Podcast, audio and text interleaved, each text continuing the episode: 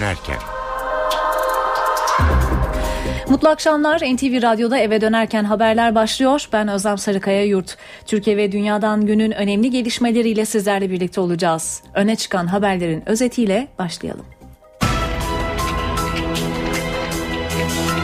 Liderler seçim meydanlarında, Ankara kulislerinde ise Meclis Genel Kurulu'nun yarınki olağanüstü toplantısında fezleke görüşmeleri konuşuluyor. Avrupa İnsan Hakları Mahkemesi Abdullah Öcalan'ı Türkiye'ye karşı açtığı ikinci davada kısmen haklı buldu ve Öcalan'a şartlı salı verilme olanağının tanınması istendi.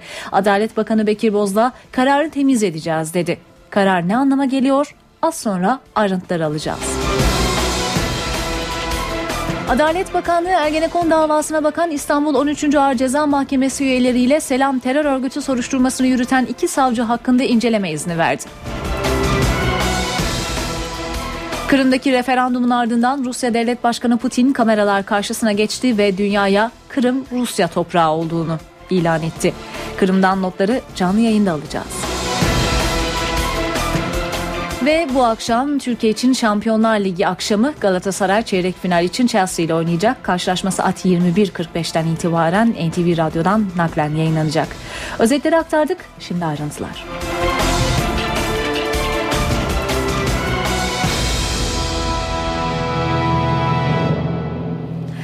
Başbakan Tayyip Erdoğan bugün Çanakkale'de. Çanakkale Zaferi'nin yıl dönümü törenlerinin ardından mitingde konuştu. Az önce konuşmasının bir bölümünü canlı olarak yayınladık.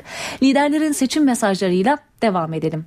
CHP Genel Başkanı Kemal Kılıçdaroğlu Muğla'da konuştu. Başbakanı eleştirdi. Seçmeninden CHP'ye oy vermeyenleri ikna etmesini istedi.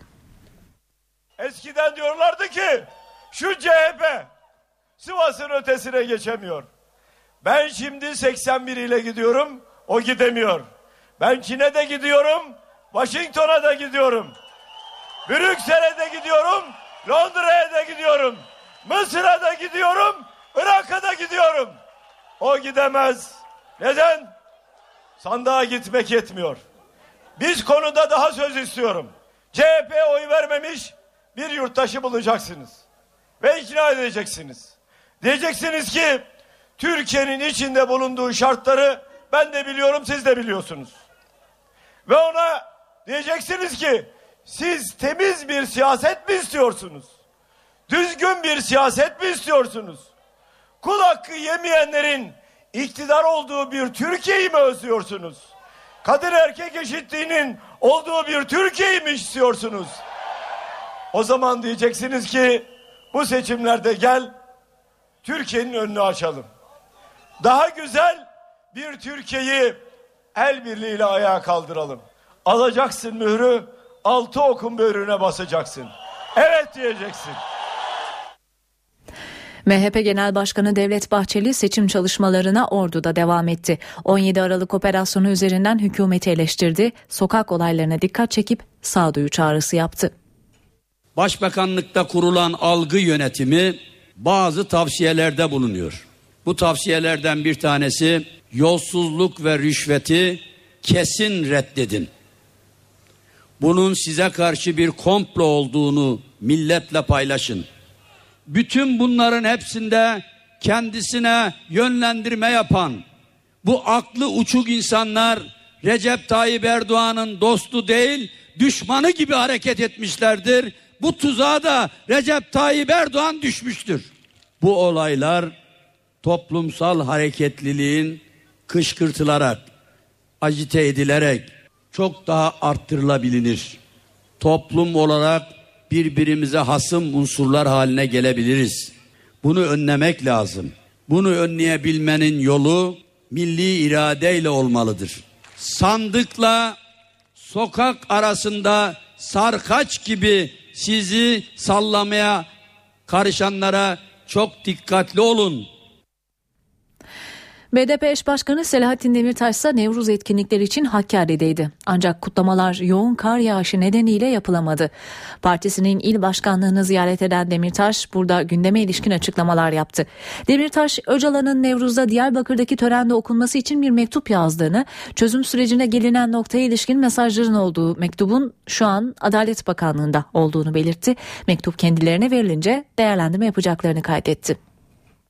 Bu yıl Nevroz'u bizler kutlarken, karşılarken özellikle son bir yıldır yani 2013 Nevroz'undan bu yana devam eden e, demokratik çözüm süreci, barış süreciyle ilgili olarak da büyük beklenti ve büyük heyecan içerisinde karşılıyoruz. Biliyorsunuz geçen Nevroz'da İmralı'dan Sayın Öcalan'ın bir mesajı Diyarbakır Nevroz'una ulaşmıştı ve o mesajla, o çağrıyla birlikte yeni bir süreç başlamıştı. Bu sürecin geçen bir yıl zarfında e, nelerin değiştiğini, neleri getirip neleri götürdüğünü kapsamlı olarak biz e, İmralı'dan gelecek mektupla birlikte bir kez daha değerlendirme fırsatına, şansına kavuşmuş olacağız. Mektup henüz el, elimize ulaşmadı. Adalet Bakanlığı henüz e, İmralı'dan elimize ulaşması gereken mektubu bizlere vermiş değil.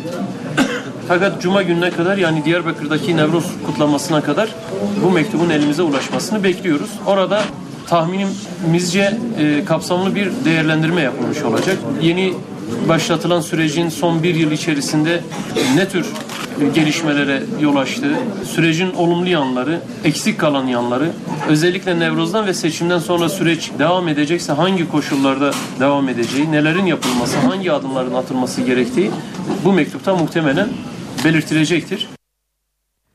Avrupa İnsan Hakları Mahkemesi Abdullah Öcalan'ın açtığı davada kararını verdi. Öcalan'ı kısmen haklı buldu. Mahkeme ağırlaştırılmış müebbet hapse mahkum olan Öcalan'a şartlı salı verme olanağının tanınmasını istedi. Avrupa İnsan Hakları Mahkemesi'nin Öcalan kararı ne anlama geliyor? Ayrıntıları NTV Strasbourg temsilcisi Kayhan Karaca aktaracak bizlere. Kayhan. Evet hocam Avrupa İnsan Hakları Mahkemesi'nin kararı bir sürpriz değil. Beklendiği gibi çıktı aslında. Ee, Abdullah Öcalan e, 1999 yılında e, İmralı'ya getirildiğinde bir dava e, açmıştı Ankara'ya karşı ilk davası. O ilk dava 2005 yılında sonuçlanmıştı. Ancak o dava sonuçlanmadan 2003 yılında bir dava daha açmıştı. E, tutukluluk koşullarıyla ilgiliydi bu dava ve e, bugün sonuçlanan davada bu ikinci dava. E, neden 11 yıl bekledi Avrupa İnsan Hakları Mahkemesi bu kararı açıklamak için?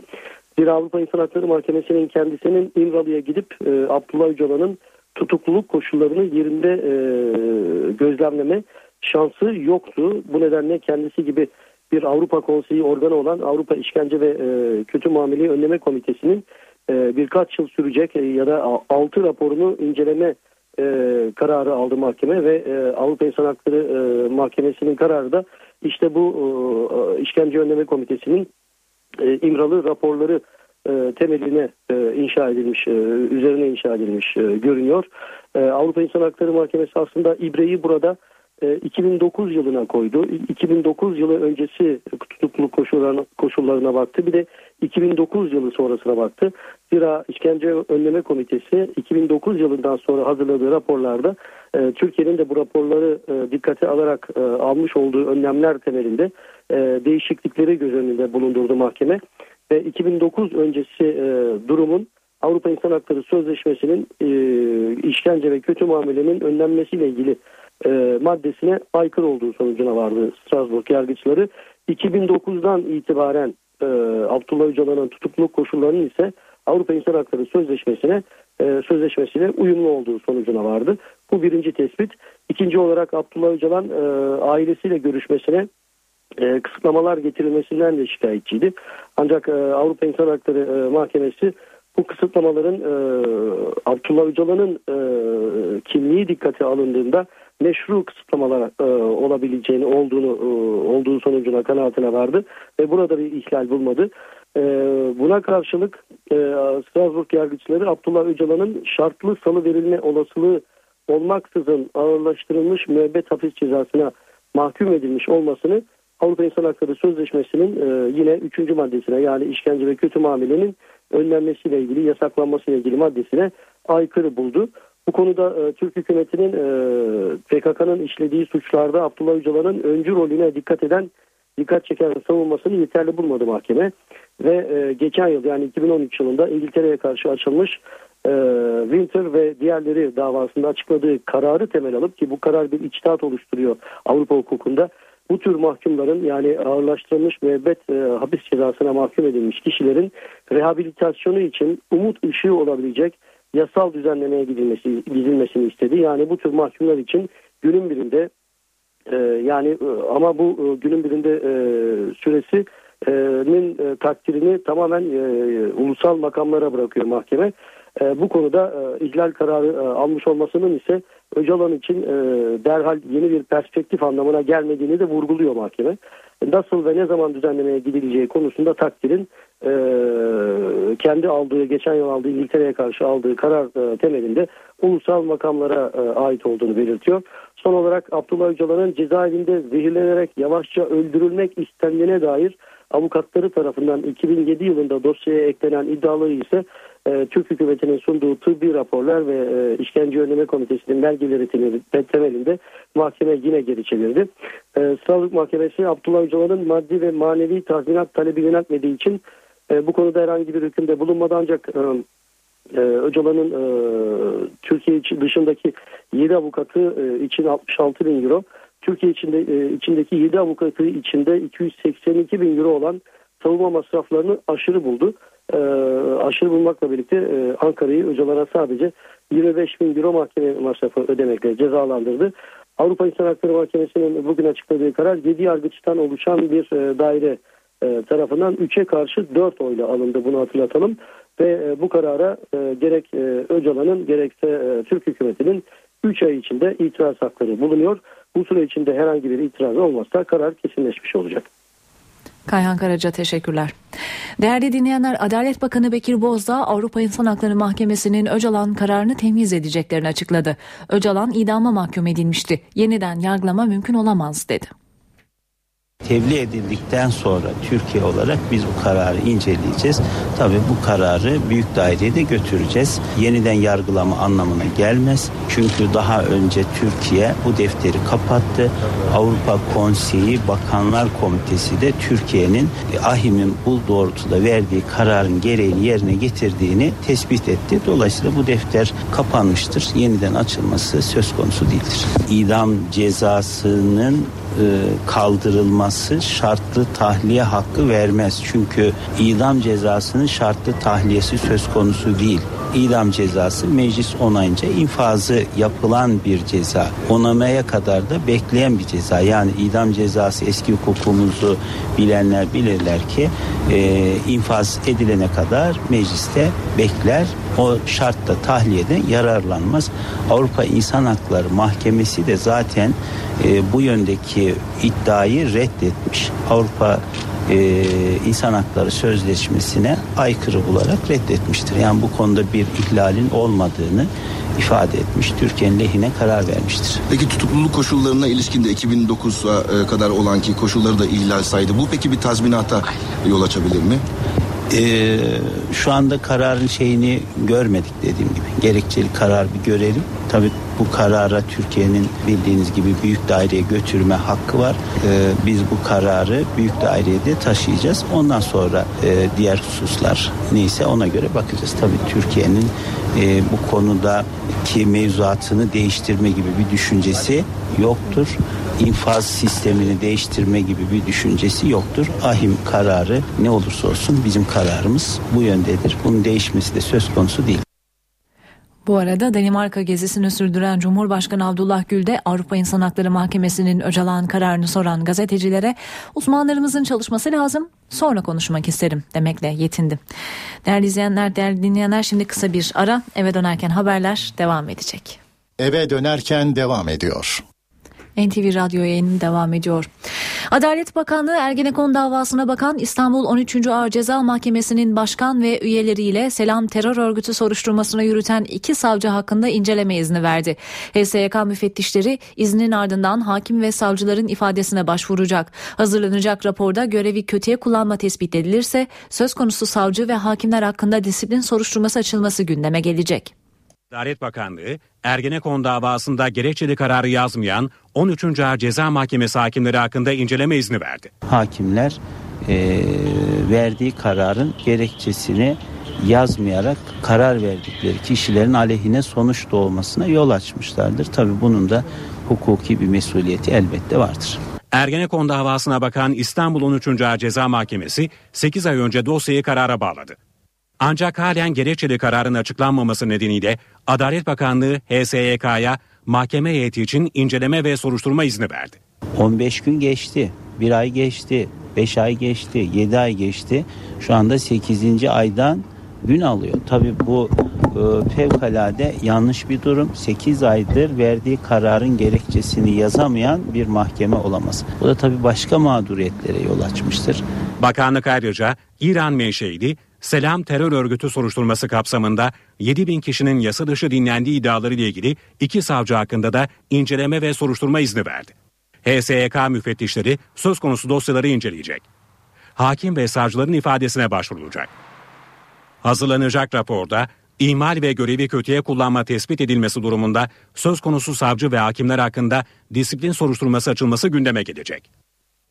Ankara Cumhuriyet Başsavcılığı CHP lideri Kemal Kılıçdaroğlu'nun grup toplantısında okuduğu tapeleri mercek altına aldı. Başsavcılık İstanbul Cumhuriyet Başsavcılığına başvurup dosyada böyle bir dinleme kaydı olup olmadığını sordu. Savcılık bu adımı Başbakan Erdoğan'ın Kılıçdaroğlu hakkındaki suç duyurusu üzerine attı. Başsavcılık Kılıçdaroğlu'nun grup toplantılarında okuduğu ve 17 Aralık soruşturması dosyasında yer aldığı iddia edilen kayıtların gerçek olup olmadığını, gerçekse dosyada gizlilik kararı olup olmadığını sordu. Başbakan Başbakan Erdoğan'ın suç duyurusunda CHP Genel Başkanı ve diğer şüpheliler hakkında haberleşmenin ve soruşturmanın gizliliğini ihlal, kişiler arasındaki aleni olmayan konuşmaların hukuka aykırı olarak ifşa edilmesi ve kamu görevlisine hakaret suçlamasıyla işlem yapılması talep ediliyor. Meclis Genel Kurulu yarın 4 eski bakan hakkındaki fezlekeler için olağanüstü toplanacak. CHP fezlekelere konu olan suçlamaların da açıklanmasını istiyor. Ancak AK Parti soruşturmanın gizliliği nedeniyle fezlekedeki ayrıntıların açıklanamayacağını savunuyor. Çalışmalarına yerel seçim arası veren Türkiye Büyük Millet Meclisi çarşamba günü olağanüstü toplanacak. Saat 15'te toplanacak genel kurulun gündeminde 4 eski bakanla ilgili hazırlanan fezlekeler olacak. Birleşimi Meclis Başkan Vekili Sadık Yakut yönetecek. 184 milletvekilinin genel kurulda olması halinde görüşmelere geçilecek. Olağanüstü toplantıda 4 eski bakan Zafer Çağlayan, Muammer Güler, Erdoğan Bayraktar ve Egemen Bağış hakkındaki fezlekelerin üst yazıları okunacak. Ancak sonrasında fezlekelerin milletvekillerinin incelemesine açılıp açılmayacağı henüz belli değil. Soruşturmanın gizliliğine dikkat çeken Adalet Bakanı Bekir Bozdağ, fezlekelerin incelemeye açılamayacağı görüşünde. Ancak muhalefet kararlı. Öyle anlaşılıyor ki meclis başkanlığı bunların mecliste okunmaması gibi milletvekillerinin bilgisine sunma, sunulmaması gibi bir tutumu benimsemeye niyetli. Öyle gözüküyor. Umarım yarına kadar doğru yolu bulurlar. CHP Grup Başkan Vekili Akif Hamza Çebi iktidar partisine çağrıda bulundu. Fezlekelerden korkmayın dedi. Masumiyetine inanan insanlar bunlardan korkmazlar. Ortada büyük bir korku var. Ama korkunun ecele faydası yoktur. Muhalefetin fezlekelerin tartışmaya açılabilmesi için genel görüşme talebinde bulunması da bekleniyor. Bu talep genel kurulda oylanacak. Fethullah Gülen Zaman gazetesine yaptığı açıklamada 17 Aralık operasyonu konusunda cemaatin suçlanmasına anlam veremediğini söyledi. Telefon dinlemeleri içinse ben de mağdurum. Hukuksuz dinleme yapanlar cezalandırılmalı dedi. Gülen beddua tartışması içinde doğrudan hiçbir kişi ya da parti adı vermediğini belirterek her kim yapıyorsa dedim. O sıfatı taşımıyorlarsa neden bu kadar rahatsız oluyorlar dedi. Bu sözlere yanıt Adalet Bakanı Bekir Bozdağ'dan geldi. Bakan Bozdağ Fethullah Gülen'in siyasetçi gibi konuştuğunu söyledi. AK Parti'nin seçime giderken milletle kurduğu gönül bağını koparmaya karşı değerlendirmeler olarak görüyorum dedi. NTV Radyo Değerli dinleyenler Şampiyonlar Ligi'ndeki temsilcimiz Galatasaray bu akşam 21.45'te Chelsea karşısına çıkıyor. İkinci tur rövanş maçı öncesi hedef galibiyet olmadı bol gollü beraberlik. İlerleyen dakikalarda bu kritik maçla ilgili tüm haberleri son dakika bilgilerini aktaracağız sizlere ancak öncesinde bir değerlendirme alarak devam edelim. Telefon hattımızda NTV Spor'dan Mehmet Demirkol var. Sayın Demirkol hoş geldiniz yayınımıza. Hoş bulduk iyi yayınlar. Sayın Demirkol nasıl bir maç bekliyorsunuz? Tur şansını nasıl görüyorsunuz Galatasaray'ın böyle başlayalım. Ee, umutluyuz. Londra'da herkes umutlu. Ee, genelde İngiliz basını maçtan çok Drogba'yı konuşuyor. Ee, Drogba üzerinden e, bütün analizler yapılıyor. Ee, hat, gazetelerde hatta bazı manşetlerde seni yeneceğim e, Jose gibi manşetler de var Drogba'nın ağzından. E, Galatasaray eğer ilk, ilk maçtaki e, ikinci yarıdaki oyununu o dengeli oyununu oynayabilirse buradaki Galatasaray'da Türk taraftarlar e, herkesin umudu yüksek benim de öyle. Turu geçebileceğini düşünüyorum Galatasaray'ın. Oynayabilecek mi diye soralım ligdeki performansını da göz önünde bulundurarak. E, oynamaması için bir sebep yok. İyi oyuncuları var. E, uluslararası seviyede bu maçları yaşamış oyuncuları var. Galatasaray'ın Mancini'nin de e, oyun tarzına çok uygun bir rakip Chelsea. E, eğer e, Snyder, Drogba, Selçuk, Burak gibi oyuncular kendi uluslararası evrensel standartlarını tutturabilirlerse diğer oyuncular için de lokomotif görevi görebilirler. Ee, dediğim gibi e, çok zor bir skor değil. E, tabii ki bir galibiyetle gelmek buraya başka e, türlü bir avantaj olurdu. Ama çok zor bir skor değil. Beraberlikte oyunu tutmak bir gol e, her şeyi değiştirebilir. Bir gol yeseniz bile oyundan kopmazsınız. Hatta iki gol yeseniz bile oyundan kopmazsınız. Çünkü 2-2'ye getirme durumu olabilir. Bunu Galatasaray Juventus karşısında yapabilmişti. E, bu e, seviye var Galatasaray takımında. Hı hı. Yeter ki e, fazla panik olmasın. Çünkü İngiltere'de maçlar çok kolay olmuyor. Seyirci direkt sahayı etkileyebiliyor. Chelsea taraftarı çok gürültücü, çok e, baskın bir taraftar olmasa da hatta Mourinho zaman zaman bundan şikayet de ediyor. E, yeter ki Galatasaray'ın özellikle bu seviyede çok maç oynamamış oyuncuları e, paniğe kapılmasınlar. E, yapabilir Galatasaray yapabilir. Hı hı. Sayın Demirkol çok teşekkür ediyoruz sağ olunuz yorumlarınız ben için. teşekkür ediyorum kolay gelsin. Çok teşekkürler. Saat 17.30 NTV Radyo'da eve dönerken haberlere devam ediyoruz. Öne çıkan haberlerin satır başlarıyla devam ediyoruz.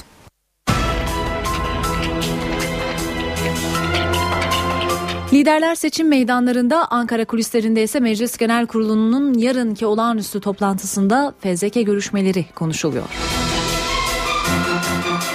Avrupa İnsan Hakları Mahkemesi Abdullah Öcalan'ı Türkiye'ye karşı açtığı ikinci davada kısmen haklı buldu ve Öcalan'a şartlı salı verilme olanağının tanınmasını istedi. Adalet Bakanı Bekir Bozdağ kararı temiz edeceğiz dedi.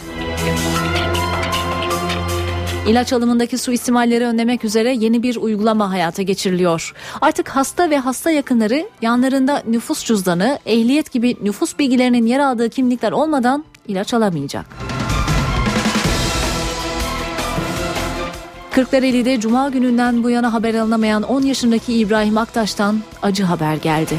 Polis bugün cansız bedenini buldu. Olayın ardından gözaltına alınan komşu küçük çocuğa cinsel istismarda bulunduğunu ve sonra da öldürdüğünü itiraf etti. Kırım'daki referandumun ardından Rusya Devlet Başkanı Putin kameralar karşısına geçti ve dünyaya Kırım'ın Rusya toprağı olduğunu ilan etti. Kırım'dan notları canlı yayında alacağız. Mart ayında yurdun batı ve doğusunda iki farklı hava hüküm sürüyor. Batıda bahar geldi, doğudaysa bugün yeniden kar ve fırtına başladı. Ardahan'da yollar kardan kapandı, Hakkari'deki Nevruz kutlamaları iptal oldu. Iğdır'da da fırtına çatıları uçurdu.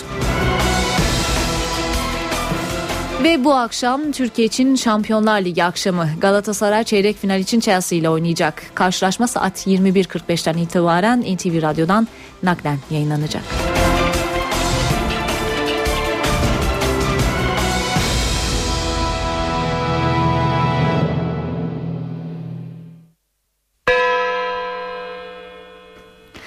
Para ve sermaye piyasalarındaki işlemleri aktaralım. Borsa İstanbul şu sıralarda 65.332 seviyesinde. Serbest piyasada dolar 2 lira 22 kuruş, euro 3.08'den işlem görüyor.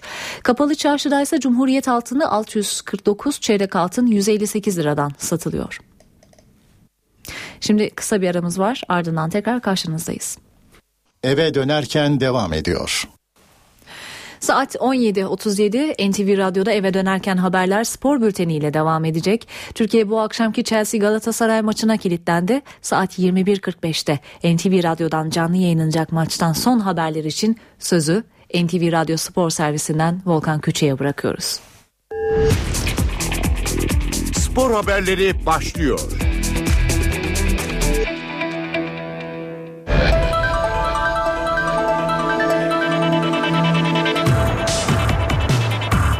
NTV Radyo Spor Bülteni ile karşınızdayız. Galatasaray Teknik Direktörü Roberto Mancini İngiltere kariyerinde Chelsea ile 9 kez karşılaştı. Rakibini 6 kere yenmeyi başaran İtalyan teknik adam Stamford Bridge'den sadece bir kez galibiyet çıkarabildi. Galatasaray Teknik Direktörü Roberto Mancini Stamford Bridge'e yabancı değil. İtalyan teknik adam Aralık 2009 Mayıs 2013 arası görev yaptığı Manchester City'de 4 kez Chelsea ile Londra'da mücadele etti. Roberto Mancini'li Manchester City 4 maçın birinde galibiyet alırken bir kez de berabere kaldı. İtalyan teknik adam Stamford Bridge'de iki kez mağlubiyet yaşadı. Mancini'nin Londra'daki tek galibiyeti 2009-2010 sezonunda gerçekleşti.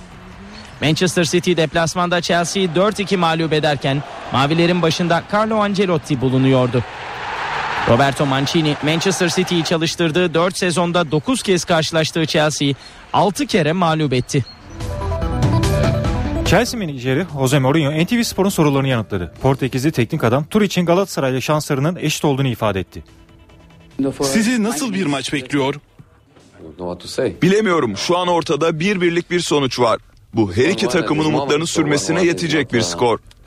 İstanbul'dakine benzer bir oyun olacağını düşünüyorum. Bence her iki takımın da şansı yüzde elli. That's what I expect. Also, there's a maybe historic day for uh, Drogba tomorrow. Drogba için tarihi bir maç olacak. Neler söylemek istersiniz? Kind of an interesting game. huh? No, it's a special game. Evet özel bir maç olabilir ama deneyimlere dayanarak şunu söyleyebilirim. Bu özel duygular 5 dakika sürer. Sonra unutulur. Gol atmak, kazanmak için mücadele verirsiniz. Drogba kazanmak ve çeyrek finale çıkmak istiyor ama tabii şunu unutmamak lazım. Uzun zaman sonra Chelsea taraftarı önüne çıkacak. Bu önemli bir duygu. After the first game, especially in Turkey, everyone İlk maçtan sonra İstanbul'da Drogba ile yemeğe gidebileceğiniz düşünülmüştü. Burada onunla konuşabildiniz mi? İstanbul'da bu imkan olmadı. Çünkü hemen geri döndük. Bu maçtan sonra da bilemiyorum. Galatasaray hemen dönecek mi ya da bir gün fazla kalacak mı? Bir fikrim yok. Şu ana kadar Drogba ile konuşma şansım olmadı ama Londra'da kalır ve beni görmek isterse onur duyarım. Dostlarımla yemek yemek güzel olur.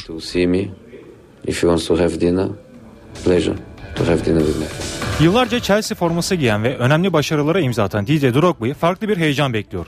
Stamford Bridge'de Chelsea'ye ilk kez rakip olarak çıkacak olan fil dişi sahili Yıldız duygularını NTV Spor mikrofonlarına anlattı. İlk olarak tekrar Stamford Bridge'de oynayacak olmaktan dolayı heyecanlı mısın? Evet, Chelsea'den ayrıldığımdan bu yana ilk defa Stamford Bridge'e geliyorum. Burada bir kez daha oynayacak olmak beni çok heyecanlandırıyor. Maç saatini iple çekiyorum. Kariyerinde birçok önemli maç oynadın. Bu karşılaşma senin için ne ifade ediyor?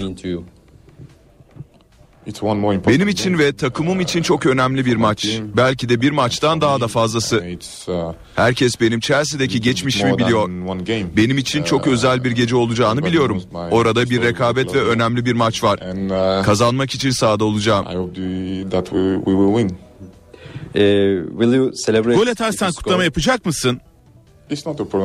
Gol atarsam kutlamam ya da kutlamamam çok da önemli değil. Burada asıl hedef maçı kazanmak ve çeyrek finale çıkmak. Sonuç daha önemli. Buraya iyi bir skor almaya geldik. Mourinho hakkındaki görüşlerin nedir? about Mourinho, Mourinho Bilemiyorum. I don't. I don't know. This coach, you know. What's your message? What's your message? ona bir mesajın var mı? Uh, don't Ne diyebilirim gerçekten bilemiyorum. Herkes Mourinho'nun benim için ne anlama geldiğini biliyor. Bir kez daha önemli bir maçla karşı karşıya geleceğiz. Daha önce Galatasaray, Real Madrid ve Chelsea Inter maçlarında karşı karşıya gelmiştik. Bu bir rekabet. Maçtan sonra kucaklaşırız ama önce maç. His last question, Drogba. Is there somebody Maçtan sonra formanı kime uh, vereceksin, düşündün mü? Give your uniform after the game. Yeah, it's already done. Evet konuştum. Bunun planını yaptım. İngiliz ve Avrupa basınının önde gelen gazeteleri Chelsea Galatasaray karşılaşmasına sayfalarında geniş yer ayırdı ve Didier Drogba'yı ön plana çıkardı. Drogba evine dönüyor. İngiliz Telegraph gazetesi Chelsea Galatasaray maçıyla ilgili olarak kapak sayfasında fil dişi sahilli yıldızı ön plana çıkardı. Gazete, Londra ekibinde 8 yıl forma giyen ve mavilerle önemli başarılar elde eden Drogba'nın Stanford Bridge'e duygusal bir dönüş gerçekleştireceği değerlendirmesinde bulundu. Guardian gazetesi Didier Drogba'nın basın toplantısındaki neşeli halini okuyucularına aktardı. Deneyimli futbolcu Chelsea taraftarlarıyla yeniden buluşacak olmaktan duyduğu memnuniyeti paylaşırken Stanford Bridge'de özel bir akşam yaşayacağını dile getirdi. Mail gazetesinin de kapak sayfasında Drogba yer aldı. Drogba Stanford Bridge'de yeniden dans ediyor başlığını kullanan gazete fil dişi sahilli yıldızın evine geri döndüğünü belirtti. Drogba'yı öne çıkaran gazetelerden biri de Express. Stanford Bridge kahramanını karşılamaya hazırlanıyor ifadelerine yer veren gazete, Chelsea menajeri Jose Mourinho'nun oyuncularına tecrübeli golcüyle ilgili uyarılar yaptığını yazdı. Express ayrıca Drogba'nın ilerleyen dönemde Chelsea kulübünde görev alması temennisinde bulundu. Fransız L'Equipe gazetesi kapak sayfasında Didier Drogba ve bir aşk hikayesi manşetiyle çıktı. Gazete Galatasaray'ın yıldız futbolcusunun 2012'de Avrupa şampiyonu yaptığı Chelsea'nin karşısına bu kez rakip olarak çıkacağını yazdı. Drogba'nın Chelsea kariyerindeki önemli satır başlarını hatırlatan L'Equipe gazetesi, Sarı Kırmızılıların Stamford Bridge'de zorlu bir sınav vereceği değerlendirmesinde bulundu. Beşiktaş Başkanı Fikret Orman katıldığı bir panelde sert açıklamalarda bulundu. Orman, şampiyonluğu istediklerini ama engellendiklerini ileri sürdü. Beşiktaş Kulübü Başkanı Fikret Orman, Beykoz Belediyesi'nin düzenlediği etkinlikte siyah beyazlı taraftarlarla buluştu. Organizasyonda kendisine sorulan soruları yanıtlayan Orman, Çaykur Rizespor maçında galibiyetlerinin engellendiği iddiasında bulundu. Beşiktaş orada lime lime doğradılar bizi. Yani e, inşallah sonuna geldik diye ümit ediyorum. Fikret Orman hakemlere yönelik sert eleştirilerde bulundu. Son Rize maçında da gözüktü ki e, biz ne zaman bir şey yapmaya kalksak bir şey geliyor. Genç bir hakem ne işi vardı da Rize maçına oraya verildi? Onun test edilme işte Gogart alacakmış. Neden orada Rize maçı bu işe e, seçildi de orası oldu? Olenberg hocanın hiç İstanbul'daki maçlarımızda görmezken, hiçbir yerde görmezken Rize'de o hakemi değerlendirmek için ne işi vardı? Bunlar hepsi soru e, işaretleri. Başkan Orman kadı taraftarların kötü tezahürat yapmasından yakınırken Akisar Belediyespor maçının tamamen seyircisiz oynanabileceğini belirtti. Bayan seyircilerin ikinci defa küfretmesinden sezon sonuna kadar sahamız kapanıyor. Bu cezayı aldığımız zaman katlanarak gidiyor bu. Belki hafta sonraki maçı seyircisiz oynayacağız. Statla ilgili çok eleştiri aldıklarını ama artık ne zaman biteceğini tartışıldığını dile getiren Fikret Orman, stadı 30 Ağustos'a yetiştireceğiz dedi. Orman, Fernandes ve Almeida'nın vazgeçilmez olmadıklarını vurguladı. Rakiplerimizde, ezeli rakiplerimizin hepsinde sözleşmesi biten oyuncular var. Bunlar konuşulmuyor. Biz dönüyoruz, dolaşıyoruz. Bu Fernandez de Beşiktaş'ın şey Almeida, Beşiktaş'ın olmazsa olmazları değiller. Orman gelecek sezon Şampiyonlar Ligi'ne direkt gideceklerini iddia etti. Birinci ve ikinci bilgisini Futbol Federasyonu bildiriyor. Fenerbahçe bu sene katılamayacağı için e, kurallar çekilmeden önce cezalı olduğu için yani ilk dönem gibi değil e, ikinci ve üçüncü e, de gidebilir. Tabii ki biz birinci olarak gideceğimiz için bizim öyle bir endişemiz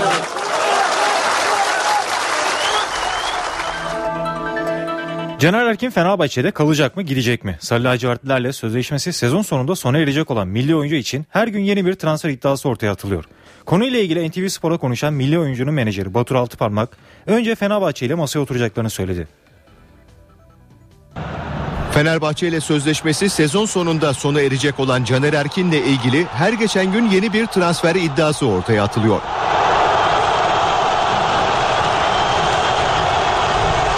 Milli oyuncunun menajeri Batur Altıparmak transfer haberlerine sosyal medya aracılığıyla tepki gösterdi. Bu iddialara itibar edilmemesini isteyen Altıparmak konuyla ilgili NTV Spor'a da açıklamalarda bulundu.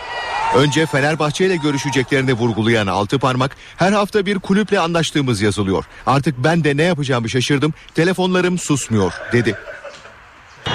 Bu arada taraflar arasındaki görüşmenin bu ay sonunda yapılması bekleniyor.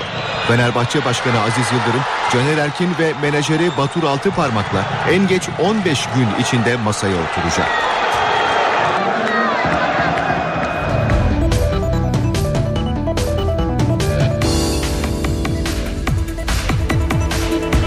Bu haberle spor bültenimizin sonuna geldik. Hoşçakalın. NTV Radyo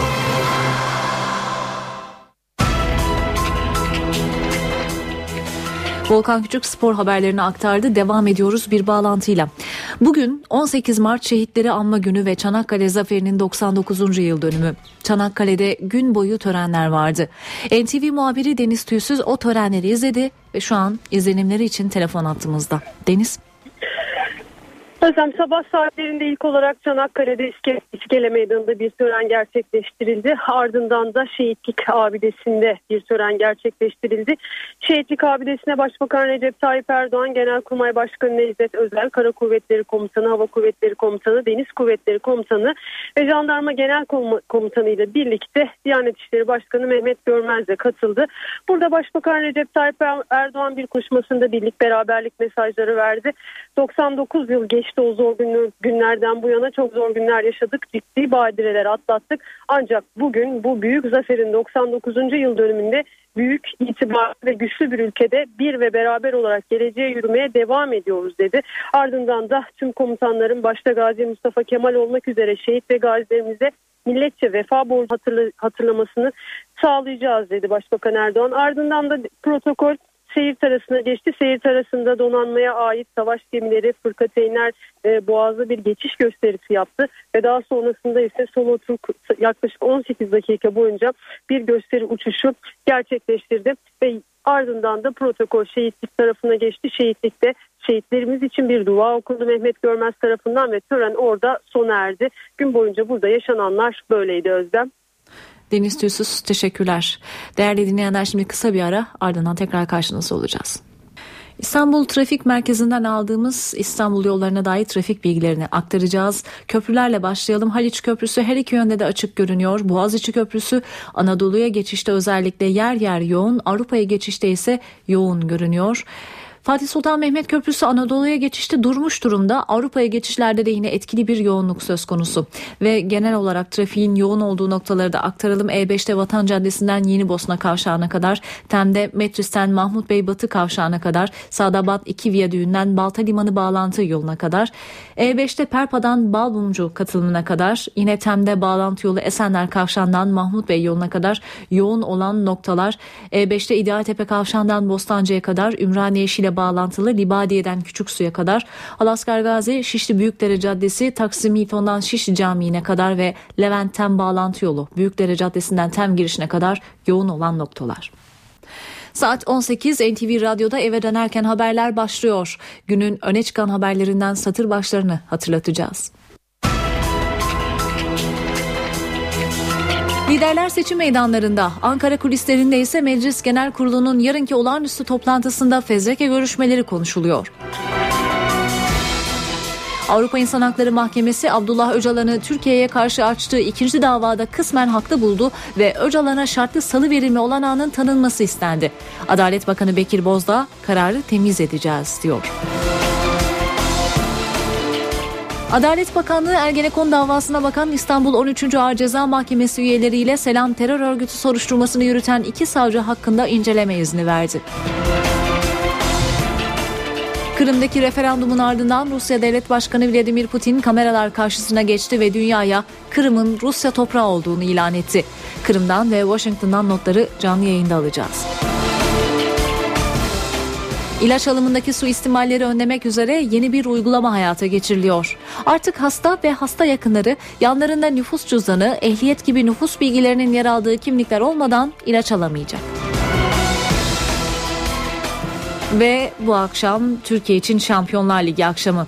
Galatasaray çeyrek final için Chelsea ile oynayacak. Karşılaşma saat 21.45'ten itibaren NTV Radyo'dan naklen yayınlanacak. Özetleri aktardık. Şimdi ayrıntılar.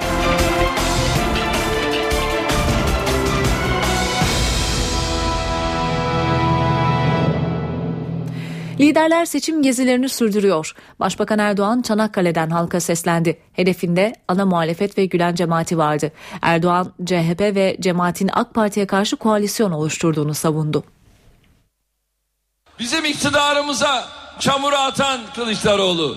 Soruyorum sana 12 yıl önce 230 milyar dolar milli geliri olan Türkiye şu anda şu anda 820 milyar dolar milli gelire sahip. Bu gençliği diyor kötü görme diyor. Ben gençliği senden çok severim. Ama ben elinde molotof olan gençliği değil. Elinde taş, sopa, pala bu gençliği değil. Silah olan gençliği değil. Elinde bilgisayarıyla, kalemiyle, kitabıyla, defteriyle aydınlık yarınların Türkiye'sini düşünen gençliği severim. Yani bu Kılıçdaroğlu çıkıyor konuşuyor. Ya bizim şu planımız var, şu projemiz var diye duydunuz mu? Konuşmasının neredeyse tamamına yakını ya yalan, ya takiye, ya iftira, ya fitne, ya fesat. Ya bir de proje açıkla arkadaş proje. Ya biz şunu yapacağız de. Kılıçdaroğlu cephesini de aktaralım. CHP Genel Başkanı Kemal Kılıçdaroğlu Muğla'daydı. Başbakanı eleştirdi. CHP seçmenlerinden başka partiye oy verecek olanları ikna etmelerini istedi. Eskiden diyorlardı ki şu CHP Sivas'ın ötesine geçemiyor. Ben şimdi 81 ile gidiyorum, o gidemiyor. Ben Çin'e de gidiyorum, Washington'a da gidiyorum. Brüksel'e de gidiyorum, Londra'ya da gidiyorum. Mısır'a da gidiyorum, Irak'a da gidiyorum. O gidemez. Neden? Sandığa gitmek yetmiyor. Biz konuda daha söz istiyorum. CHP oy vermemiş bir yurttaşı bulacaksınız. Ve ikna edeceksiniz. Diyeceksiniz ki Türkiye'nin içinde bulunduğu şartları ben de biliyorum siz de biliyorsunuz.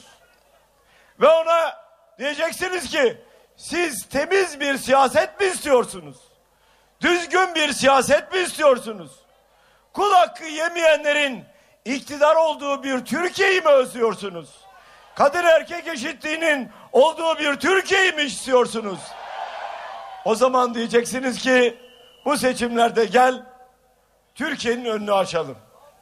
Daha güzel bir Türkiye'yi el birliğiyle ayağa kaldıralım. Alacaksın mührü, altı okun mührüne basacaksın. Evet diyeceksin. MHP Genel Başkanı Devlet Bahçeli seçim çalışmalarına Ordu'da devam etti. 17 Aralık operasyonu üzerinden hükümeti eleştirdi, sokak olaylarına dikkat çekip sağduyu çağrısı yaptı. Bu olaylar toplumsal hareketliliğin kışkırtılarak, acite edilerek birbirimize hasım unsurlar haline gelebiliriz. Bunu önlemek lazım. Sandıkla sokak arasında sarkaç gibi sizi sallamaya karışanlara çok dikkatli olun. MHP Genel Başkanı Devlet Bahçeli Ordu'da seçmene seslendi, provokasyonlara karşı dikkatli olun dedi. Bahçeli Başbakan'ın çevresindekiler tarafından yanlış yönlendirildiğini söyledi.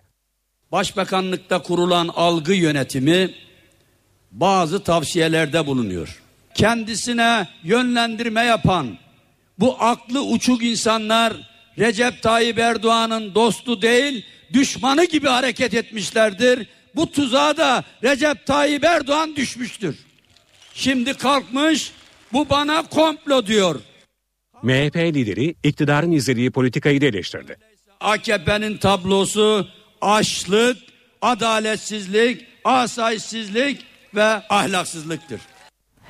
BDP eş başkanı Selahattin Demirtaş ise Nevruz etkinlikleri için Hakkari'deydi. Ancak kutlamalar yoğun kar yağışı nedeniyle yapılamadı. Partisinin il başkanlığını ziyaret eden Demirtaş burada gündeme ilişkin açıklamalar yaptı. Demirtaş Öcalan'ın Nevruz'daki Diyarbakır'daki törende konuşması için okuması için bir mektup yazdığını, çözüm sürecinde gelinen noktaya ilişkin mesajların olduğu mektubun şu an Adalet Bakanlığı'nda olduğunu belirtti. Mektup kendilerine verilince değerlendirme yapacaklarını kaydetti. Bu yıl Nevroz'u bizler kutlarken, karşılarken özellikle son bir yıldır yani 2013 Nevroz'undan bu yana devam eden e, demokratik çözüm süreci, barış süreciyle ilgili olarak da büyük beklenti ve büyük heyecan içerisinde karşılıyoruz. Biliyorsunuz geçen Nevroz'da İmralı'dan Sayın Öcalan'ın bir mesajı Diyarbakır Nevroz'una ulaşmıştı ve o mesajla, o çağrıyla birlikte yeni bir süreç başlamıştı. Bu sürecin geçen bir yıl zarfında e, nelerin değiştiğini, neleri getirip neleri götürdüğünü kapsamlı olarak biz e, İmralı'dan gelecek mektupla birlikte bir kez daha değerlendirme fırsatına, şansına kavuşmuş olacağız. Mektup henüz el, elimize ulaşmadı. Adalet Bakanlığı henüz e, İmralı'dan elimize ulaşması gereken mektubu bizlere vermiş değil. Fakat Cuma gününe kadar yani Diyarbakır'daki Nevruz kutlamasına kadar bu mektubun elimize ulaşmasını bekliyoruz. Orada tahminimizce e, kapsamlı bir değerlendirme yapılmış olacak. Yeni başlatılan sürecin son bir yıl içerisinde ne tür gelişmelere yol açtığı, sürecin olumlu yanları, eksik kalan yanları, özellikle Nevruz'dan ve seçimden sonra süreç devam edecekse hangi koşullarda devam edeceği, nelerin yapılması, hangi adımların atılması gerektiği bu mektupta muhtemelen belirtilecektir. Avrupa İnsan Hakları Mahkemesi Abdullah Öcalan'ı Türkiye'ye karşı açtığı ikinci davada kısmen haklı buldu. Mahkeme Öcalan'a verilen ağırlaştırılmış müebbet cezasını İnsan Hakları Sözleşmesi'ne aykırı buldu. Öcalan şartı salı verilmeden yararlanmalı dedi. Türkiye kararı temiz etmeye hazırlanıyor. Adalet Bakanı Bekir Bozdağ Öcalan'ın şartlı tahliyesinin ya da yeniden yargılanmasının mümkün olmadığını söyledi. Avrupa İnsan Hakları Mahkemesi Abdullah Öcalan'ı Türkiye'ye karşı açtığı ikinci davada kısmen haklı buldu. Strasbourg'daki mahkeme Öcalan'ın şartlı salı verme olanağı olmaksızın ağırlaştırılmış müebbet hapis cezasına mahkum edilmiş olmasının Avrupa İnsan Hakları Sözleşmesi'ne aykırı olduğuna hükmetti. Kararı değerlendiren Adalet Bakanı Bekir Bozdağ yeniden yargılanma söz konusu değil dedi. Tabii bu kararı büyük daireye de götüreceğiz. Ee, bunu ifade edeyim. Bu bir. İkincisi bu yeniden yargılama anlamına gelmez. Çünkü daha önce Türkiye bu defteri kapattı. Avrupa Konseyi Bakanlar Komitesi de Türkiye'nin e, AHİM'in bu doğrultuda verdiği kararın gereğini yerine getirdiğini tespit etti. Dolayısıyla Cumhurbaşkanı Abdullah Gülse karar için uzmanlarımız üzerinde çalıştıktan sonra konuşmam daha uygun olur değerlendirmesinde bulundu. Avrupa İnsan Hakları Mahkemesi Öcalan'ın tutukluluk koşulları ile ilgili itirazlarını da değerlendirdi. Öcalan'ın 2009'dan önceki tutukluluk koşullarının Avrupa İnsan Hakları Sözleşmesi'nin işkence ve kötü muamelenin yasaklanması ile ilgili maddesine aykırı olduğuna hükmedildi. Ancak bu koşulların 2009 sonrası sözleşmeye uyumlu hale geldiği vurgulandı. Öcalan'ın ailesiyle görüşmesine kısıtlama getirildiği iddiaları ise mahkeme tarafından geri çevrildi. Mahkeme Öcalan'ın tazminat talebini de reddetti. Türk hükümetinin sadece 25 bin euro mahkeme masrafı ödemesi kararlaştırıldı. Karara itiraz için tarafların 3 aylık süresi bulunuyor. Meclis Genel Kurulu yarın fezlekeler için olağanüstü toplanıyor. Saat 15'te başlayacak oturumda 4 eski bakan hakkında hazırlanan fezlekeler görüşülecek. Muhalefet 4 eski bakana yönelik suçlamalarında mecliste okunmasını istiyor. İktidar partisi ise soruşturma gizli diyor. Bu konuyla ilgili ayrıntıları alacağız. NTV muhabiri Miray Aktağ Uluç Parlamento günlüğünde bu ayrıntıları bizlerle paylaşacak. Miray. Türkiye Büyük Millet Meclisi yerel seçimler nedeniyle çalışmalarına ay başında ara vermişti. Ancak ana muhalefet partisinin çağrısı üzerine meclis yarın olağanüstü toplanıyor. Saat 15'te başlayacak toplantı. 4 eski bakanla ilgili 17 Aralık operasyonu kapsamında hazırlanan fezlekeler Türkiye Büyük Millet Meclisi'nin gündeminde olacak. Birleşimi Meclis Başkan Vekili Sadık Yakut yönetecek. 184 milletvekilinin genel kurulda olması halinde görüşmelere geçilebilecek. Olağanüstü toplantıda dört eski bakan demiştik. Zafer Çağlayan, Muammer Güler, Erdoğan Bayraktar ve Egemen Bağış hakkındaki fezlekelerin üst yazıları okunacak. Ancak sonrasında fezlekelerin içine gelip girilmeyeceği yani milletvekillerinin incelemesine açılıp açılmayacağı henüz belli değil. Ancak iktidar partisinden aldığımız sinyaller e, bu fezlekelerin milletvekillerinin incelemesine açılmayacağı yönünde hem Meclis Başkanı Cemil Çiçek hem Adalet Bakanı Bekir Bozdağ bu konuya ilişkin yaptıkları e, açıklamada ceza muhakemesi kanunun 157. maddesine atıfta bulunmuşlardı ve soruşturmanın gizliliğini e, ifade etmişlerdi. Soruşturmanın gizli olduğunu ve ancak bir soruşturma komisyonu kurulması halinde milletvekillerinin bu fezlekelerin içeriğini inceleyebileceklerini, fezlekelerin içeriğini görebileceklerini söylemişlerdi. Ancak muhalefet bu konuda kararlı. E, bu yüzden bugün gelen açıklamalarda yine muhalefetin fezlekelerin içeriğini inceleme isteğini ortaya koydu. E, CHP Grup Başkan Vekili Akif Hamza bugün kameraların karşısına geçti ve iktidar partisine bir çağrıda bulundu. Fezlekelerden korkmayın dedim. Muhalefet fezlekelerin tartışmaya açılabilmesi için genel görüşme talebinde de bulunuyor. Bununla ilgili başvurusunu meclis başkanlığına geçtiğimiz hafta yapmıştı Cumhuriyet Halk Partisi. Bu yüzden genel kurulda genel görüşme talebi de oylanacak. Dediğimiz gibi e, taraflar aslında bu konuda uzlaşabilmiş değiller. İktidardan ve muhalefetten gelen farklı görüşler var. Bu konuda e, yarın nasıl bir ortam olacak açıkçası onu da yarın göreceğiz ama tartışmalı bir oturumun bizleri beklediğini şimdiden öngörebiliriz. Özlem. Miray Aktavluç'a teşekkür ediyoruz. Araya çıkıyoruz. Ardından haberlerimizde tekrar sizlerle olacağız. Eve dönerken devam edecek. Eve dönerken haberler bir bağlantıyla devam ediyor. Sandıktan evet çıktı. Kırım bugün resmen Rusya'ya bağlandı değerli dinleyenler. Rusya Devlet Başkanı Vladimir Putin Kremlin sarayından yaptığı konuşmayla Yarımada'nın artık Rus toprağı olduğunu dünyaya ilan etti. Sivastopol NATO toprağı olamaz dedi. Rus lider Kırım Tatarlarına da zeytin dalı uzattı. Şimdi Kırım'a bağlanalım. NTV'den Ahmet Yeşiltepe Kırım'dan son haberlerle telefon attığımızda olacak. Ahmet Yeşiltepe sizi dinliyoruz. İyi akşamlar.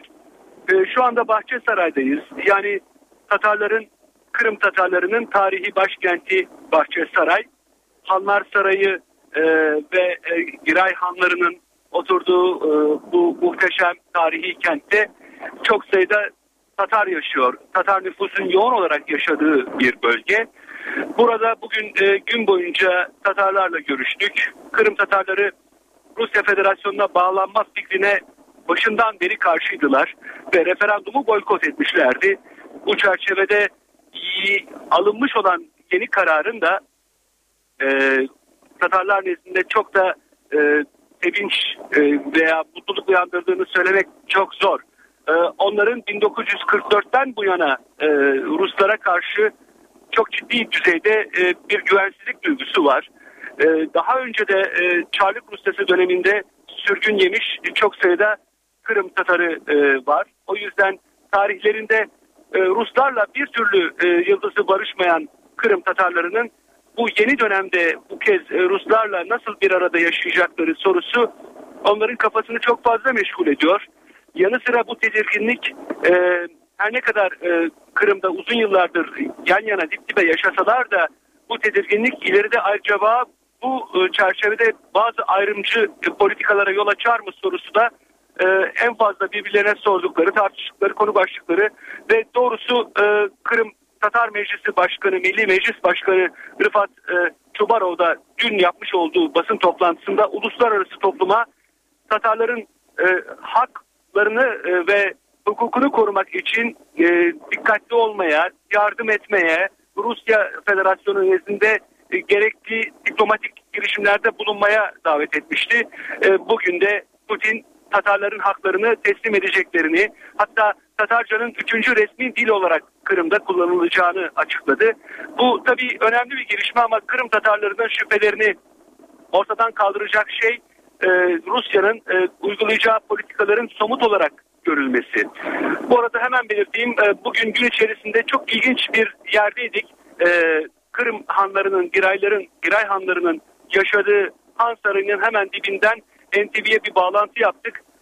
Burada bir çeşme vardı. Gözyaşı çeşmesi. Bunun hikayesini anlattım e, televizyonda da. Burada da kısacık anlatmak istiyorum. 1824 yılında e, Rusların çok çok sevdiği, belki de en çok sevdiği şair olan Pushkin e, Kırım'a sürüldüğünde e, Bahçesaray'da bu gözyaşı çeşmesini gördüğünde e, esinlenerek, bundan esinlenerek bir şiir yazmış. Bunun hikayesi çok ilginç çünkü anlatılan şey şu. Pushkin'in yazdığı şiir o kadar etkili ve o kadar e, e, Çarlık Rusyası daha sonra da Sovyet döneminde Rusların kalbinde yer bulmuş ki e, Kırım'da e, özellikle Çarlık Rusyası ardından da Sovyet döneminde hemen bütün kentlerin isimleri değiştirilirken e, Bahçesaray'ın ismi Pushkin'in bu şiirine hürmeten değiştirilmemiş Tatarca olarak kalmış. İşte Tatarların e, yüreklerinde, kafalarında e, endişe, soru işaretleri, tedirginlik yaratan konular aslında bunlar. E, yani acaba hayatlarımıza yeniden bir sürgün, yeniden bir baskı, yeniden bir e, e, ötekileştirme girecek mi? Ruslar yeniden bizi ikinci, üçüncü sınıf insan olarak görecekler mi? Bu endişe ve korku Tatarların yüreğinde. O yüzden de e, Putin'in açıklamaları henüz e, Tatarları tatmin etmiş görünmüyor. Çok büyük bir ihtimalle e, belki de onları rahatlatacak şey zaman içerisinde e, Rusya Federasyonu'nun buradaki tutumunu, e, tavrını görmek, daha sonra tabii ki uluslararası toplumun Tatarları koruyan yaklaşımını e, sürekli e, gündemde tutması ve e, Tatar toplumunun burada olduğunu e, zaman zaman e, Rusya Federasyonu'na e, hatırlatması. Ama bundan daha da önemli bir konu başlığı var. Ukrayna e, bir başka ülke tarafından işgal edildiğini ve topraklarının ilhak edildiğini savunuyor.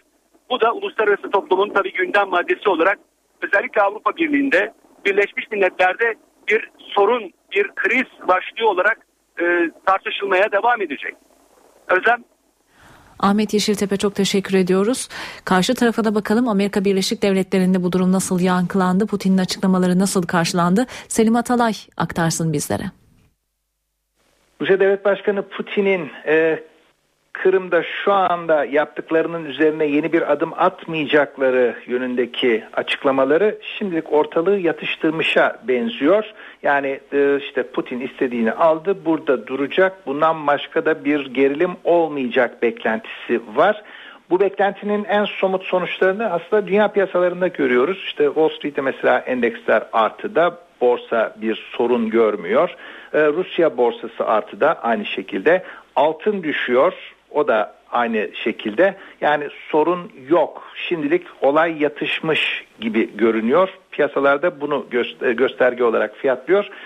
Bundan sonrası için Amerika e, rahatsızlığını aslında sürdürüyor. Yani bu Kırım olayının e, yasa dışı olduğunu ve tanınmaması gerektiğini işte e, Amerika vurgulamakta. Amerikan Başkan Yardımcısı Joe Biden Doğu Avrupa turunda daha önceden belirlenmiş bir tur fakat denk geldi gelişmelere. Halen Polonya'da ve e, Biden Polonya'da dikkat çekici biçimde işte hem desteğimiz sürecek vesaire diyor fakat bir açıklaması dikkatimizi çekti. Amerikan e, Başkan Yardımcısı diyor ki e, Doğu Avrupa Rus enerji kaynaklarına bağımlı olmamak için alternatifler geliştirmelidir. Ne geliştirmelidir diye sorunca da nükleer enerji ve kaya gazından, kaya petrolünden çıkartılan enerjiye yönelinmesini öneriyor Amerikan Başkan Yardımcısı. Yani doğalgazdan çıkın nükleere ve kaya gazına, kaya petrolüne dönün şeklinde. Aynı zamanda mesela Polonya'da konuşulmuş, Polonyalı milletvekilleri bize LNG e, sıvılaştırılmış doğalgaz yollayın demişler Amerika'dan. Fakat Amerika'nın ihracat e, olanakları sınırlı. Biden'da bakarız e, yeni terminaller yapmamız gerekecek demiş. Yani bir Kırım krizinin ardında bir de enerji boyutu bu şekilde gelişiyor dikkat çekici biçimde ve sonra da ama demeçler durmayacak gibi bu konuda sürekli demeç duymaya devam edeceğiz. Selim Atalay aktardı. Bir son dakika gelişmesini de paylaşalım. Rusya Devlet Başkanı Vladimir Putin'in Kırım'ı ülkesine bağlayan anlaşmaya imza atmasından saatler sonra Kırım'da silah sesi duyuldu. Kırım'da Ukrayna'ya ait bir askeri üs Rus askerlerin saldırısına uğradı. Saldırıda Ukraynalı bir subay hayatını kaybetti. Rus haber ajansına açıklama yapan Ukrayna hükümet sözcüsü Rus askerleri silahlarımızı bırakarak teslim olmamızı istiyor dedi. NTV Radyo Umuda yolculuk yine ölümle bitti. Bodrum açıklarında kaçakları taşıyan bir teknenin batması sonucu 4 kişi hayatını kaybetti. Yunanistan'a geçmeye çalışan Suriyeli kaçakların bulunduğu tekne Karaada açıklarında battı.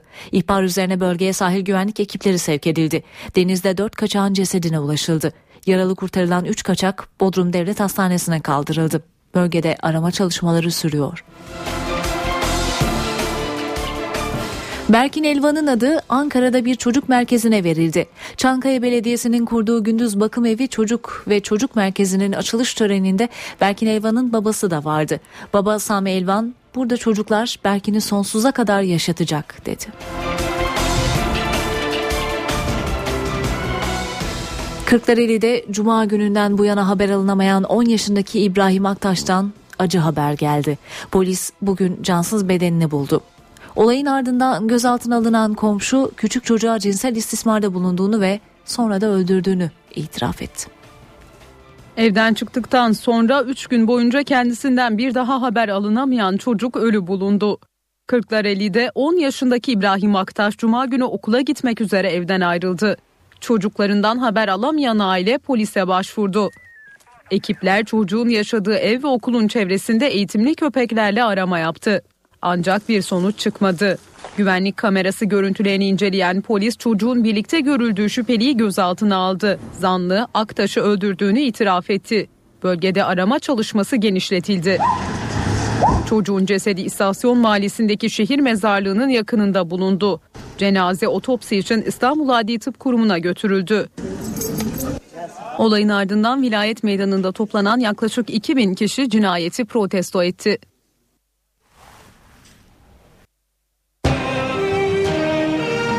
NTV Radyo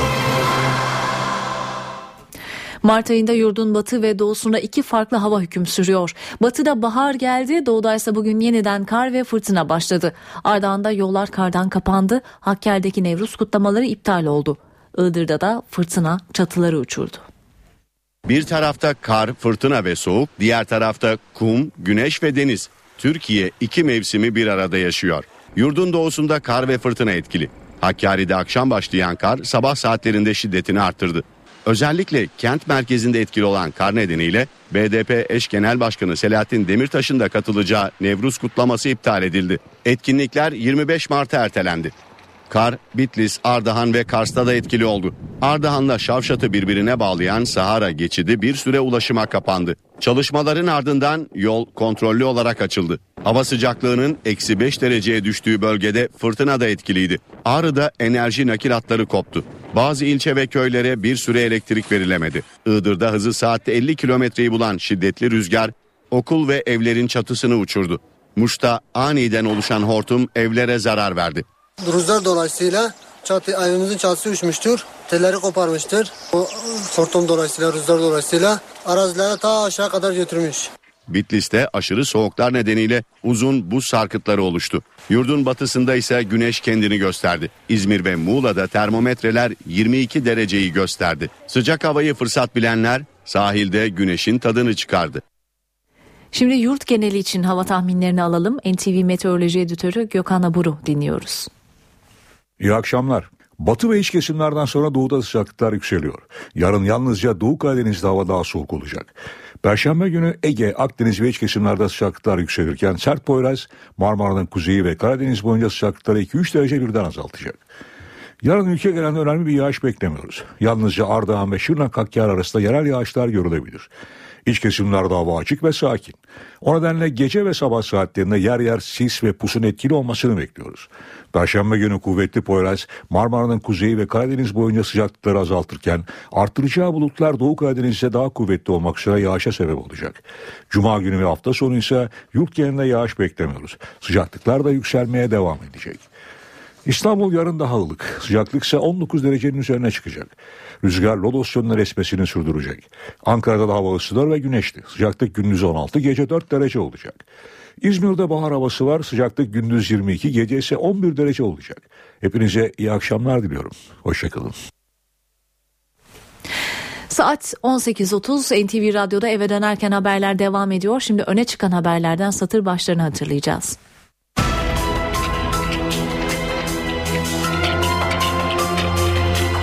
Liderler seçim meydanlarında Ankara kulislerinde ise Meclis Genel Kurulu'nun yarınki olağanüstü toplantısında fezleke görüşmeleri konuşuluyor. Avrupa İnsan Hakları Mahkemesi Abdullah Öcalan'ı Türkiye'ye karşı açtığı ikinci davada kısmen haklı buldu ve Öcalan'a şartlı salı verilme olanağının tanınması istendi. Adalet Bakanı Bekir Bozdağ kararı temiz edeceğiz dedi. Adalet Bakanlığı Ergenekon davasına bakan İstanbul 13. Ağır Ceza Mahkemesi üyeleriyle Selam terör örgütü soruşturmasını yürüten iki savcı hakkında inceleme izni verdi. Kırım'daki referandumun ardından Rusya Devlet Başkanı Putin kameralar karşısına geçti ve dünyaya Kırım'ın Rusya toprağı olduğunu iddia etti. İlaç alımındaki suistimalleri önlemek üzere yeni bir uygulama hayata geçiriliyor. Artık hasta ve hasta yakınları yanlarında nüfus cüzdanı, ehliyet gibi nüfus bilgilerinin yer aldığı kimlikler olmadan ilaç alamayacak. Galatasaray Devler Ligi'nde çeyrek final için sahaya çıkıyor. Temsilcimiz deplasmanda İngiliz evi Chelsea ile karşılaşacak. Karşılaşma saat 21.45'ten itibaren NTV Radyo'dan naklen yayınlanacak. Özetleri aktardık, şimdi ayrıntılar.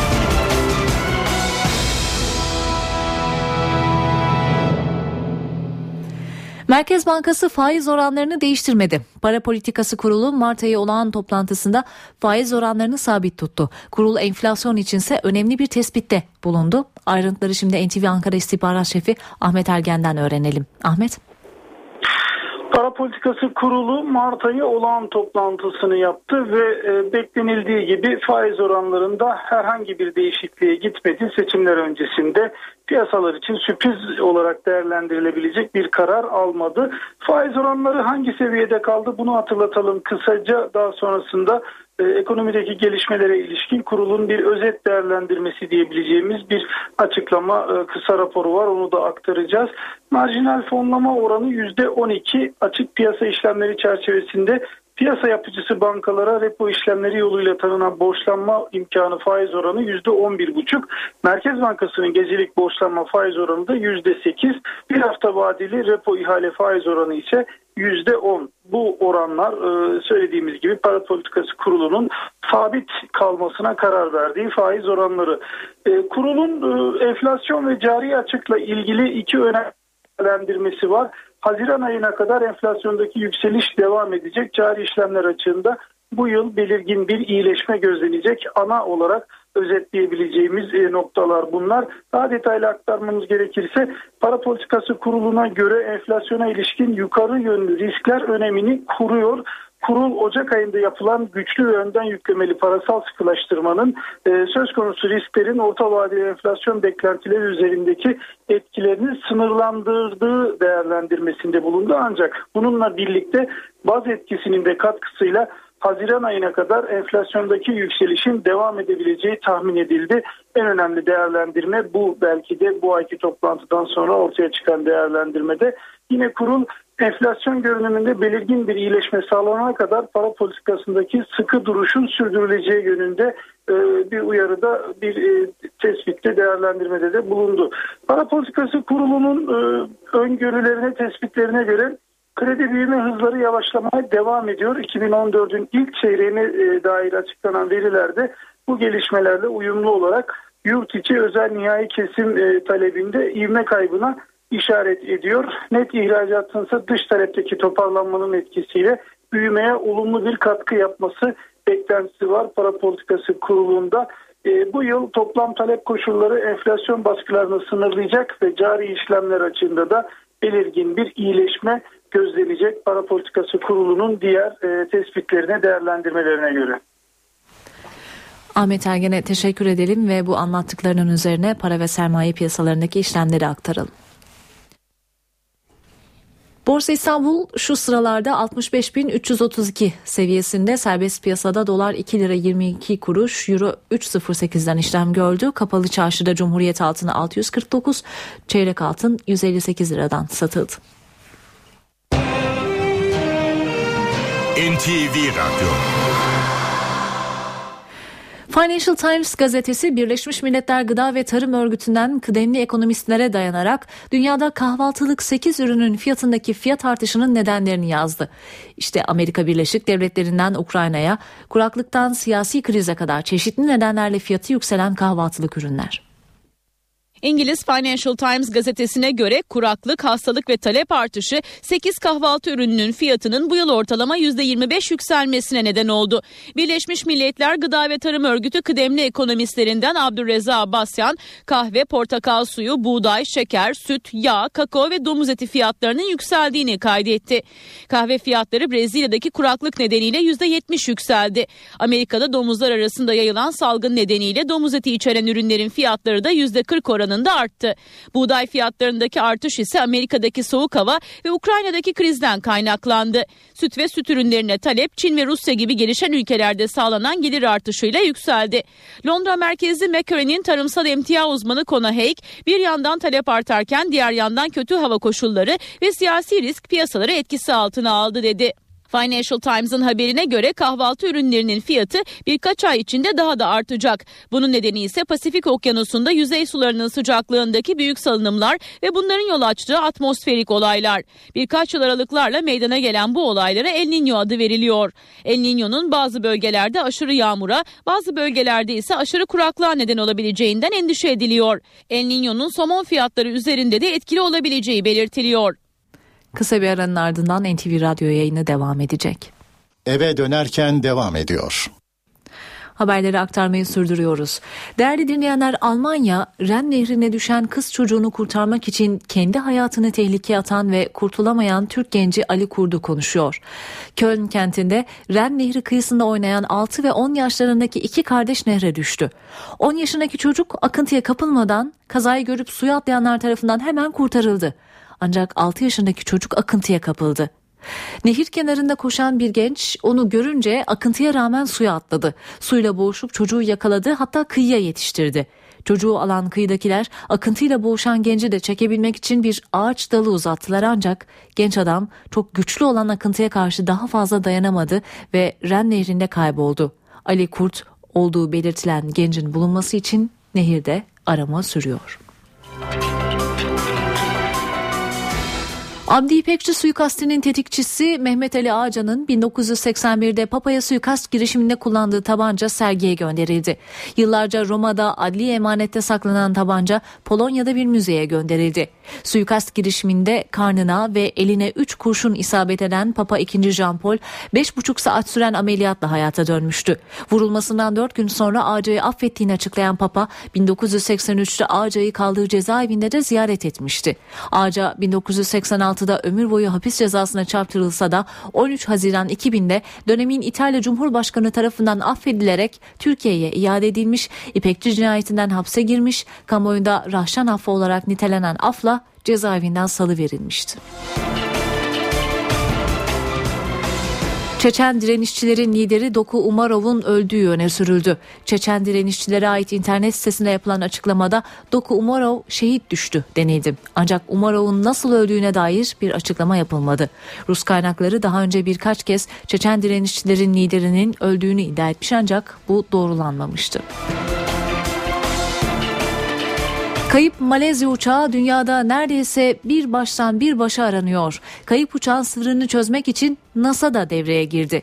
Çin ise denizden sonra karada da arama çalışmaları başlattı.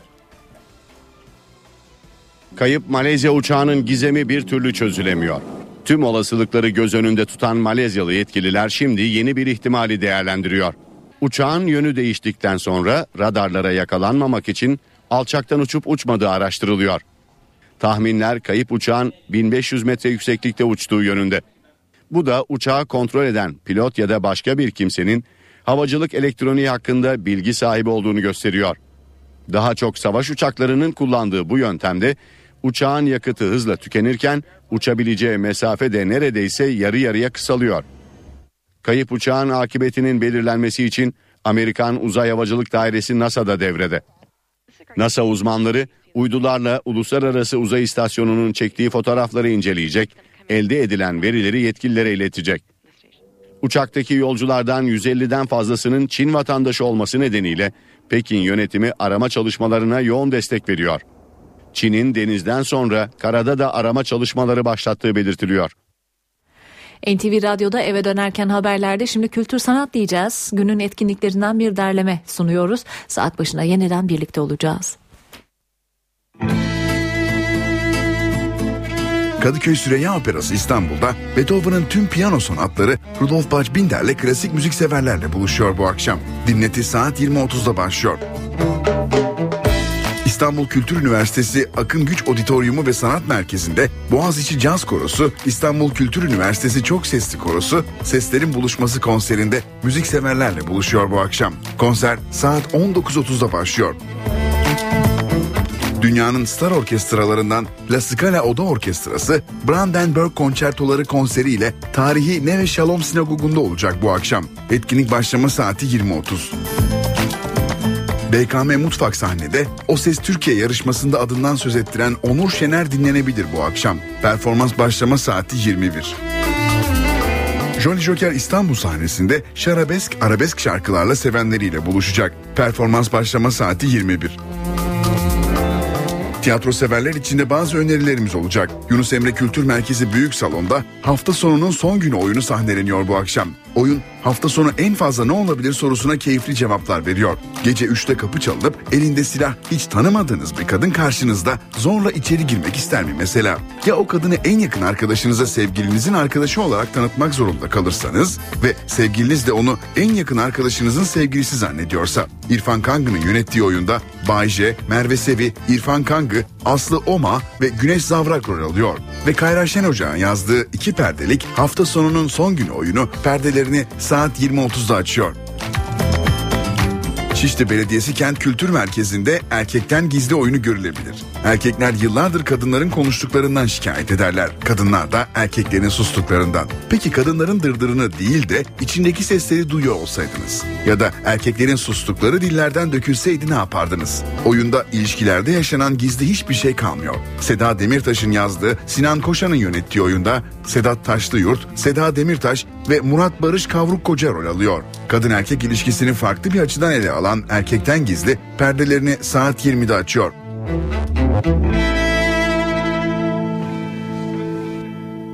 Eve dönerken devam edecek. Saat 19 NTV Radyo'da eve dönerken haberler devam ediyor. Günün öne çıkan haberleriyle karşınızdayız.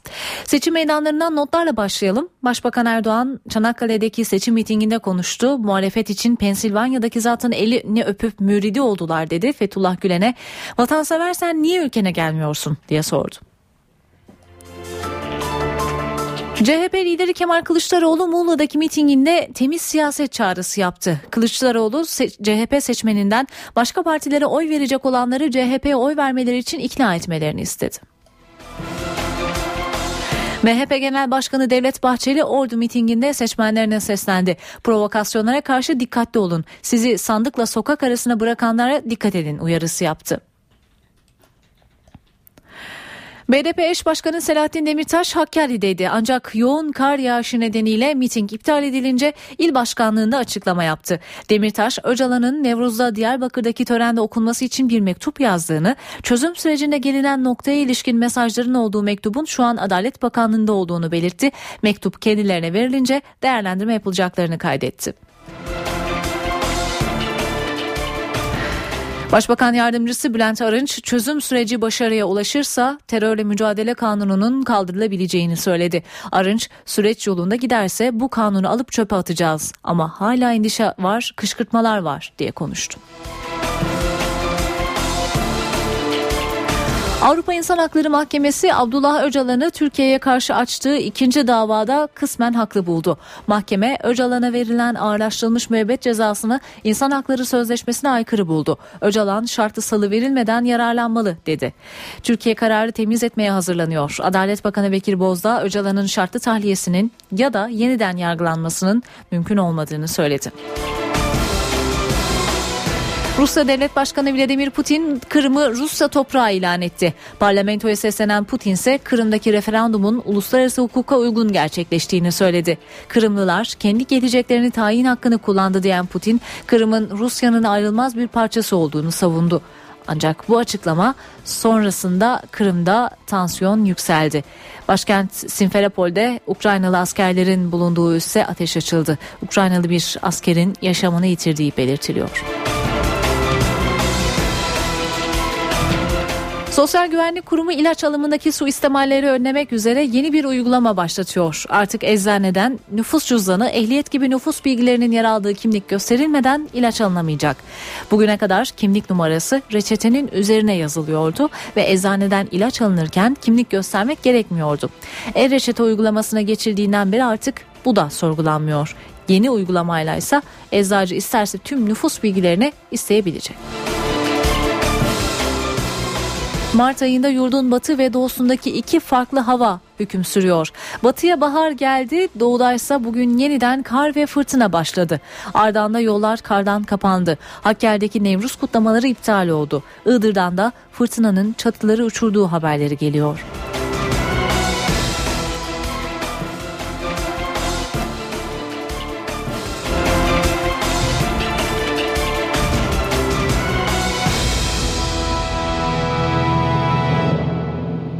İstanbul Trafik Merkezi'nden aldığımız bilgileri paylaşacağız. Köprülerdeki trafik durumuyla başlayacağız. Boğaziçi Köprüsü ilk durağımız. Anadolu'ya geçişlerde yoğun akıcı bir trafik söz konusu. Avrupa'ya geçişse şu an için açık görünüyor. Fatih Sultan Mehmet Köprüsü uzun zamandır önceki yayınlarımızda da aktardığımız gibi Anadolu'ya geçiş yönünde tamamen tıkalı durumda. Trafik akmıyor. Avrupa geçişte de yine etkili bir yoğunluk söz konusu.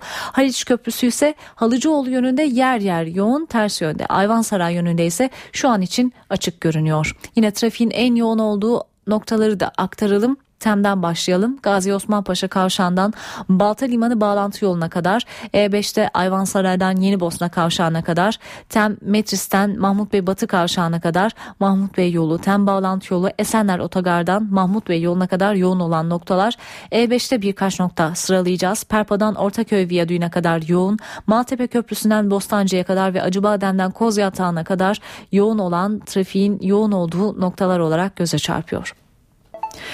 Bu akşam Türkiye için Şampiyonlar Ligi akşamı Galatasaray'ın Chelsea ile karşılaşmasına yaklaşık 2,5 saat kaldı. Saat 21.45'te başlayacak maç NTV Radyo'dan naklen yayınlanacak. Kritik maç öncesi son haberler, beklentiler ve yorumlarda yine NTV Radyo'da olacak. Eve dönerken haberleri bitirirken yayınımız reklamlardan sonra Cem Dizdar ve Gürcan Bilgiç'in yorumuyla renklendirdiği çift forvet programıyla devam edecek. NTV Radyo